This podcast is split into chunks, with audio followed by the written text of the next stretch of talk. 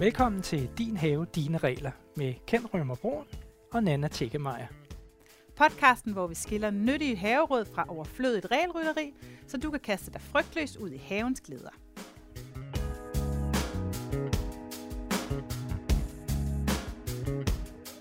I den her episode tager vi hul på havens planlægning.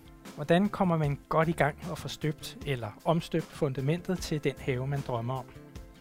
Vi kommer til at tale lidt om haveplaner, hvordan man laver dem, og hvorfor vi ikke altid synes, man har brug for en. Det skal også handle om, hvordan du kan få et nemmere haveliv med flere succesoplevelser ved at lære både din have og dig selv bedre at kende. Til sidst i podcasten kigger vi nærmere på en sejlivet havemisforståelse.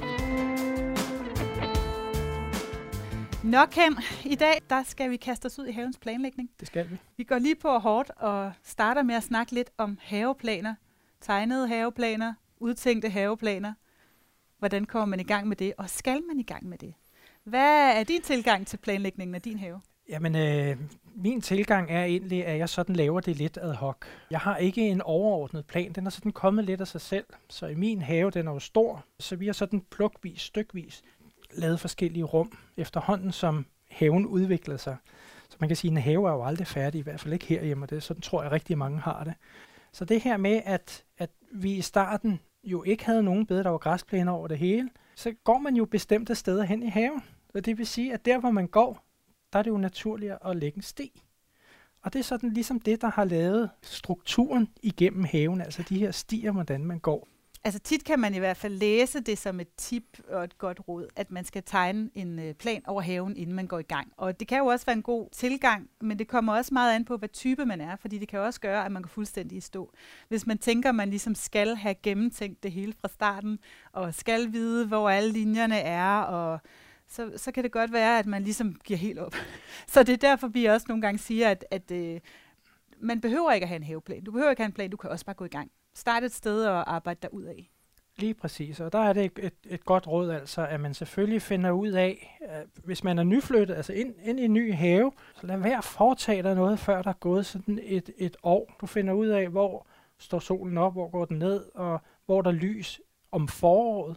Hvis du godt vil have en morgenterrasse øh, i foråret, hvor ligger den bedst? Hvis man alligevel tænker, at man vil gerne lave en plan for sin have, og man vil gerne øh, trække nogle linjer og sådan noget, så kan man jo også sagtens kaste sig ud i det. Man kan lave en målfast plan ved, ud fra et matrikelkort på sin have. Det kommer vi også nærmere ind på i vores bog, hvis man er interesseret i det. Og ellers så kan man også gøre det, at man simpelthen går i marken, og så øh, måler op med nogle ræb for eksempel, eller noget haveslangen eller sådan noget. Hvis der var en sti her, hvad, hvad vej skulle den så gå? Og så simpelthen gøre det on-site på den måde. Det kan nogle gange være lidt nemmere, når man ikke er en rigtig havearkitekt, der kan forestille sig, hvordan det ser ud i 3D, og du bare sidder og tegner det fladt på, på et papir. Og, og netop det her med, at man, man hyrer en, en havedesigner til at designe sin have, er jo ikke ens betydende med, at når man får den her haveplan, at det hele så skal laves på én gang, fordi det får der sveden frem ja, hos de fleste. Ikke? Ja. Hvis man har sådan en, en, en færdig tegning, så kan man jo starte med det rum, man måske bruger mest, altså sydterrassen eller et eller andet sted, hvor man godt kan lide at opholde sig, eller hvor man kan se solen gå ned og så tage den derfra. Altså rent designmæssigt, så en, en nem ting, man i hvert fald kan kan kigge efter, det er at bruge det designgreb, som, som handler om at lave fikspunkter og lave sigtelinjer igennem haven. Hvis du siger, øhm, du står i den ene ende af din have, og der er et meget flot træ, jamen, så kan det være, at du skal sørge for, at der ligesom er en korridor. Du kan, nu står jeg viser om armen her. Der er en korridor, du kan kigge igennem og se den ting, for eksempel. Det kan du beslutte dig for, når du går i gang, og så du planlægge din have rundt om det efterhånden. Det er også en meget sådan, egentlig smidig måde at gøre det på. Så du bruger træet som en slags fokuspunkt ja, simpelthen? Ja, lige præcis. Det er en god idé. Det er også en god idé, hvis man vil have nogle steder, man sidder ned, og det kunne godt være i den modsatte ende af det her fokuspunkt, at man har en, en eller anden form for væg, altså noget, der skaber tryghed bag dig. Mm. Det kan så være en hæk, eller det kan være nogle lave buske. Ja, jeg tror, at vores take på haveplaner, det er, lav en, eller få hjælp til at lave en, hvis du synes, det er en hjælp for dig, men det er ikke en pligt at lave en haveplan. Du kan sagtens gå i gang uden, og den kan nå at ændre sig mange gange i løbet af af din, din haves og ja, dit for, samliv, eller ja, hvad skal man sige? Ja, forhåbentlig. Ikke? Ja. Fordi uh, din have er da også kommet til at ændre øh, form og ja, det er den. mange gange. Ikke? Ja, ja. Altså øh, igen det her, strukturen med den sti, jeg talte om i indledningen, den er jo der stadigvæk. Man kan så sige, de knopper der på den, De har så ændret sig undervejs. Men dig, der lytter med, øh, du skal måske også tænke over, hvad du vil bruge haven til, og hvad du synes måske også er sjovt i haven. Hvad siger du, Nana? Jo, helt sikkert. Nu havde vi meget god tid i corona, men ellers sådan i et normalt arbejdsliv, så siger man, åh, jeg har ikke tid til alt det havearbejde, jeg kan ikke finde tid til det. Og jeg tror jo egentlig også, det lige så tit handler om at finde lyst til det.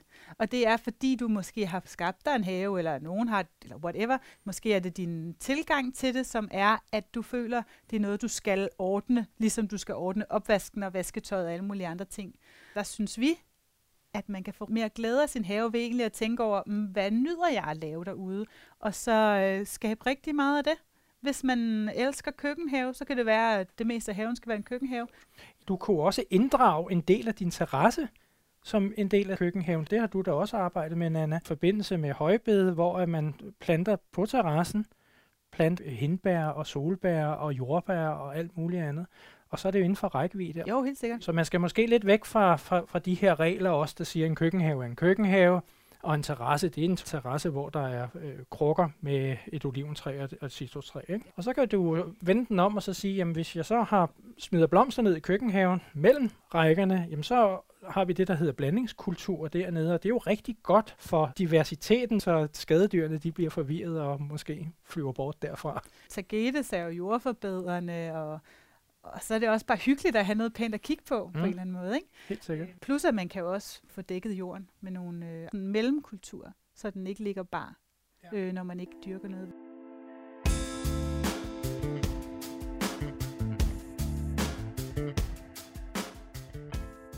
Men jeg tror nu altså også det her med, at, at man får den her terapeutiske stemning. Nu har vi jo lige været igennem øh, nogle sæsoner med corona. Øh, der er det gået op for rigtig mange øh, at, at haven er jo frirummet, hvor vi kan slappe af og komme helt ned på jorden. Og jeg tror, for at man ligesom får vækket haveglæden ordentligt, så er det også meget vigtigt, at man får nogle nemme sejre fra start, at man får en succesoplevelse, ja. og man får den der følelse af, at det kan jeg godt finde ud af. Fordi det er det, der, som jeg synes, øh, der plager de fleste af dem, jeg snakker med, og en af grundene til, at vi skrev bogen, det var, at øh, det der med, at folk tror, de ikke kan finde ud af det, og det kan de sagtens.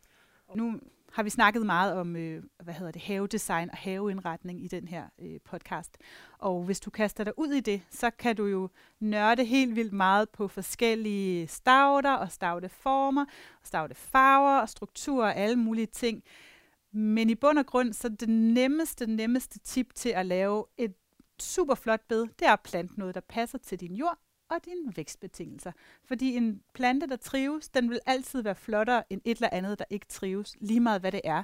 Så det kan godt være, at du har, måske har du udset dig et eller andet i planteskolen, men tjek lige plantelabelen, om det faktisk kan trives hjemme ved dig. Fordi du, du risikerer at komme hjem med noget, som aldrig bliver pænt. Det var flot i planteskolen, men det bliver aldrig pænt hjemme med dig. Og det kan være, at den plante, der stod ved siden af, som du tænkte, om den er ikke helt lige så flot, men det er den måske hjemme hos dig, fordi den bare stortrives. Det er nærmest det bedste tip, jeg kan give, tror jeg. Mm, men det er helt rigtigt. Det handler jo også om, at hvis man tager en sumpplante, og man har sandjord, de ting passer bare ikke sammen. Så husk at kigge på labelen. Det bedste råd, det er egentlig sørg for, at din jord er levende, at den er smækfyldt med liv. For er den det, så trives alt muligt andet. Ja. Og så er det jo det med, at man skal kende sin have. Altså at kende sin have, det handler jo bestemt om jorden også. Da jeg flyttede ind i sin tid her, vi har sandjord og meget fint sandjord, det er nærmest pulver op i, i den vestlige del af haven. Ingenting kunne gro af alle de stavter, jeg startede ud med i sin tid. Men dem, der så overlevede, det er jo det, dem, der sjovt nok trives i en tør sandjord. Så man bør sætte sig rigtig meget ind i, hvordan øh, ens jord er det er ikke særlig svært at få en fornemmelse af, hvad jord du har. Det du i bund og grund jo bare gør, det er, at du graver et spadestik ned, så tager du en håndfuld jord i hånden, og hvis den er meget tung og klistret, så er det nok en lærjord. Det vil betyde, at øh, den har en tendens til at holde mere på vandet. Det er der nogle planter, der er glade for, det er der andre, der ikke kan lide. Og hvis du tager den op, og du krummer den sammen i din hånd, det har Kent måske prøvet med sin jord, og du så åbner hånden, og det bare fiser ud, og det overhovedet ikke kan holde sammen, så er det en meget sandet jord. Det vil sige, at vandet drøner hurtigt igennem, så øh, den er godt drænet, din jord. Det man kan gøre ved det, mm. altså forbedre sandjord eller omvendt forbedre lerjord, det har vi opskriften på i en anden podcast episode.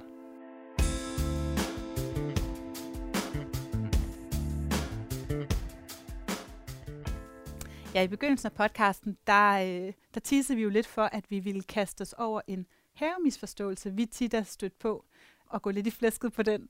Og det skal handle om store træer, der bliver fældet. Ja, hvor, hvorfor vil folk altid fælde træer, når, de, når, når man nu flytter ind i et hus, så skal træet væk? Bop.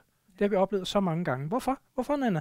Jamen, jeg ved det ikke. Jeg, jeg, jeg føler, folk de har sådan en eller anden øh, angst for skygge. Øh, at, at det altid bliver for skygget. Jeg synes jo, det er meget dejligt med noget skygge, øh, og det er rigtig vigtigt for, for havens øh, udseende, at der er noget højde. Jeg tror tit, det er sådan, det sker, at du overtager en have, som nogen har haft i mange år, så flytter du ind, og så øh, ser du de der store træer, så tænker du, nej, nej, de er alt for store.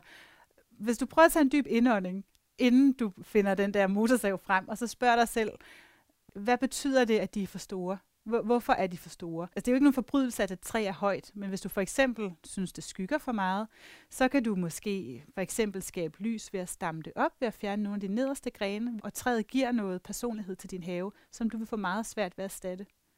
Altså store træer kan jo også rave farligt ud over en vej, for eksempel. Så kan det være nødvendigt måske at fjerne en gren eller to og begrænse træet på en eller anden måde, uden at du behøver at fælde det.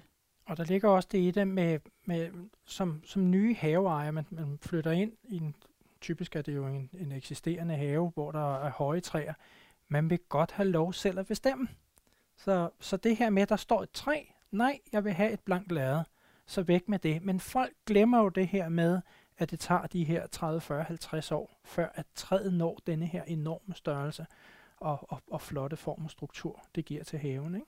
Du har sagt på et tidspunkt kendt sådan noget med, jamen det er jo havens sjæl. Jamen altså, et, et træ bidrager jo med ufattelig meget. Altså punkt 1, det giver skygge, og, og vi må forvente, at der bliver mere og mere sol. Altså det bliver varmere og varmere. Vi har haft et forår, som har været ekstremt tørt. Det hed vi også sidste år, det hed vi også forrige år. Og sommeren fordeler sig uens hen over landet.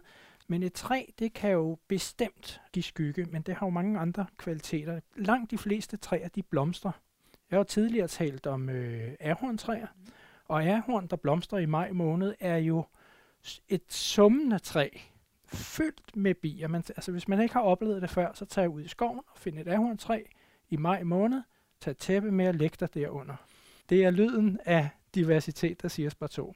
Desuden lever der rigtig mange andre arter af alt muligt kryb og kravl og svampe og andre planter på træet. Så, så det er virkelig en, øh, en gave, hvis der er et stort, flot træ i din have. Hvis du synes, det er et stort, grimt træ, så kan det godt være, at du ikke lige kan se øh, ideen i det træ, og du måske har lyst til at fælde det. Men prøv at tage en dyb indånding og vent en hel sæson. Vent et helt år igennem. For det kan være, at øh, når det så bliver vinter, og alt det andet smider bladene, så er det faktisk meget dejligt med sådan et høj stedsegrønt træ, som du ikke kunne se nogen pointe i om sommeren. Eller det kan være, at til foråret, så blomstrer det lige pludselig. Eller det kan være, at det har nogle røde bær om efteråret, som du ikke lige kan se, når du flytter ind og har lyst til bare at starte motorsaven. Ja, eller det kan være, at der bor en ule deroppe. Mm-hmm. Hvem ved? Og det kunne være hyggeligt med en ule. Et sidste tip i forhold til det der med, med at fælde træer og sådan noget, det er, det er måske mere til dig, som flytter ind i en, en ny have, hvor at du skal, skal plante et træ. Og det er kig på, øh, hvor stort træet bliver. Og der, der er meget forskel fra art til art på, hvor store træerne ender med at blive. Og det kan du ikke rigtig se, når du bare står i planteskole og kigger på det. Så sørg, sørg for, at der er rigtig god plads rundt om træet, og der er plads i højden. Og hvis du sætter for eksempel tre træer i en gruppe, så husk også på, hvor brede de bliver. Øh, det kan godt være, når man sætter tre træer med 5 meter imellem, at de skriger til hinanden i starten, men på sigt der bliver det jo rigtig harmonisk. Og hvis du har meget begrænset plads og stadigvæk gerne vil have et træ, så findes der jo forskellige typer træer. Hvis det er et æbletræ, kan du købe et æbletræ, som er på en dværgstamme for eksempel. De vokser meget mindre end andre typer. Det kan du spørge om i planteskolen. Du kan også få tips til det i vores bog, hvis du gerne vil dykke lidt mere ned i det. Der findes også øh, træer, som er podet på en stamme. De vil heller ikke udvikle sig og blive lige så høje som andre træer. Og der findes også øh, øh, altså, træer, som i princippet er buske, men som du kan bruge som et træ. For eksempel en syren. Den kan du sagtens have som et, et trælignende element i en lille have, hvis det giver mening.